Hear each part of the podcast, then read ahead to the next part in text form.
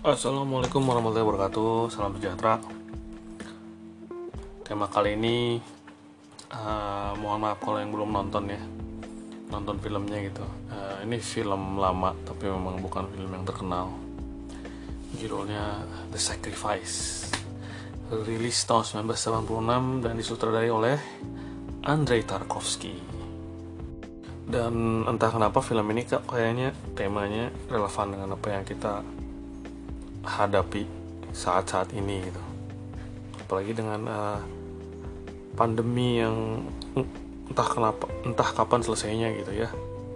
Karena ini bukan film terkenal jadi saya harus cerita sedikit soal sinopsisnya. Uh, ini mengisahkan seorang kepala keluarga yang bernama Alexander diperankan oleh Erland Josephson. Erland ini kalau sering nonton filmnya Ingmar Bergman juga dia sering dijadikan aktor, uh, terutama di Scenes from a Marriage dan Saraband. Nah, Alexander ini dan keluarganya itu uh, sedang berada di sebuah uh, villa lah. Mungkin kalau di Indonesia itu semacam villa yang ada di puncak lah. Dia tinggal bersama dengan istrinya Adelaide dan anak-anaknya. Uh, awal mulanya sih seperti biasa saja gitu.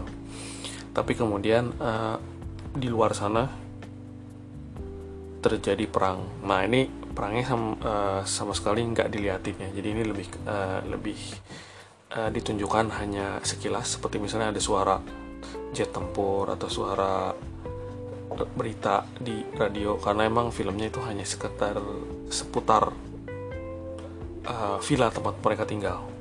Artinya sih terjadi perang nuklir. Nah ini kalau dilihat dari konteks ini kan dia tahun 1986 ya jadi namanya perang dingin antara Soviet dengan Amerika Serikat belum belum belum belum selesai gitu. Jadi yang namanya ketakutan salah satu pihak akan saling menghancurkan lewat nuklir itu adalah sesuatu yang amat sangat nyata. Uh, di film lain ini pernah uh, dimunculkan oleh Stanley Kubrick dalam Doctor Strangelove tapi itu rilis tahun 1960-an Nah, balik lagi ke film Sacrifice. Apa yang awalnya perkumpulan keluarga yang sedang merayakan ulang tahun, akhirnya berubah menjadi uh, sesuatu yang mencekam. Mencekam bukan dalam bukan dalam bukan dalam artian mereka akan dikelilingi oleh hantu atau atau tentara asing gitu. Mencekam dalam arti karena di luar sana sedang terjadi perang, maka maka mereka jadi mempertanyakan gitu mengenai kepastian hidup.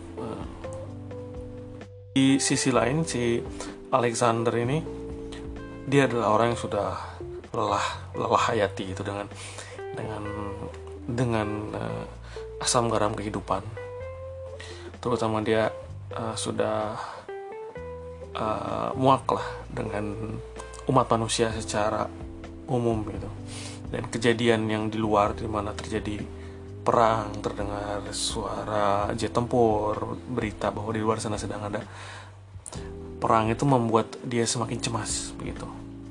Maka dia berusaha uh, menemukan cara bagaimana dia mengatasi cemasnya tersebut. Kalau ditarik ke zaman sekarang sih bukan uh, perang nuklir ya tapi kita menghadapi mikroorganisme yang tidak terlihat gitu. Bisa jadi apa yang dialami Alexander ini juga refleksi uh, yang kita semua hadapi saat ini gitu. Lagi ke cerita The Sacrifice. Sebenarnya dalam benak Alexander ini dia masih ingin bahwa kemanusiaan itu bisa lebih baik. Tapi bagaimana maka karena mungkin dia sudah stres gitu akhirnya dia memulai dengan tindakannya untuk uh, mengorbankan uh, milik-milik pribadi dia sendiri yaitu terutama rumahnya. Maka dia membakar rumahnya dan adegan dia ngebakar rumahnya ini adalah uh, adegan tanpa diedit ya one shot gitu. Diiring oleh musik klasik Johann Sebastian Bach. Dan ini adalah adegan yang uh, paling dahsyat bukan dalam artian special effect atau penuh jeritan-jeritan sinetron azab ya. Tapi dalam kalau misalnya sudah menonton filmnya adalah segala macam pergulatan batin Alexander terus uh, interaksi dia dengan anggota keluarganya tuh akhirnya mengarah kepada dia berjanji uh, kalau misalnya dunia akan lebih baik jika harganya adalah dengan pengorbanan yang saya lakukan maka saya akan melakukan itu. Memang mungkin ini kalau bagi uh, sebagian besar orang ini terdengar gila ya. Kok ngebakar rumah sendiri gitu. Tapi kan ini film gitu. Ini lebih kepada studi karakter gitu. Uh, apalagi kalau dilihat konteksnya gitu.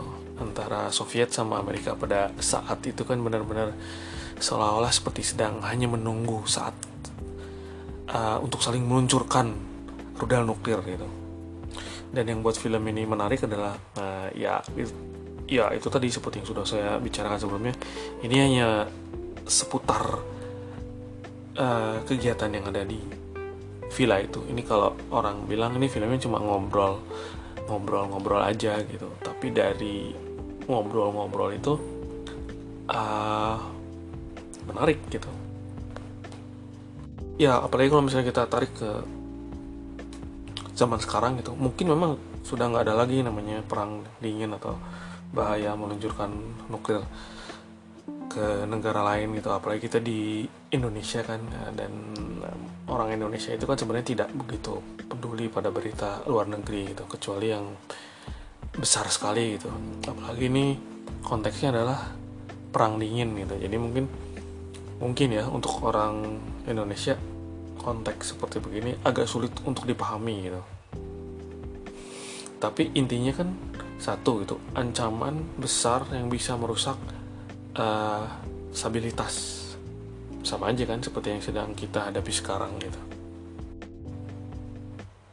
Kedua selain ancaman besar ini kan si keluarga ini seolah terisolasi gitu di villa mereka gitu. Nggak jauh beda dengan yang uh, kita alami sekarang gitu. Apalagi sebagian mungkin ada yang work from home.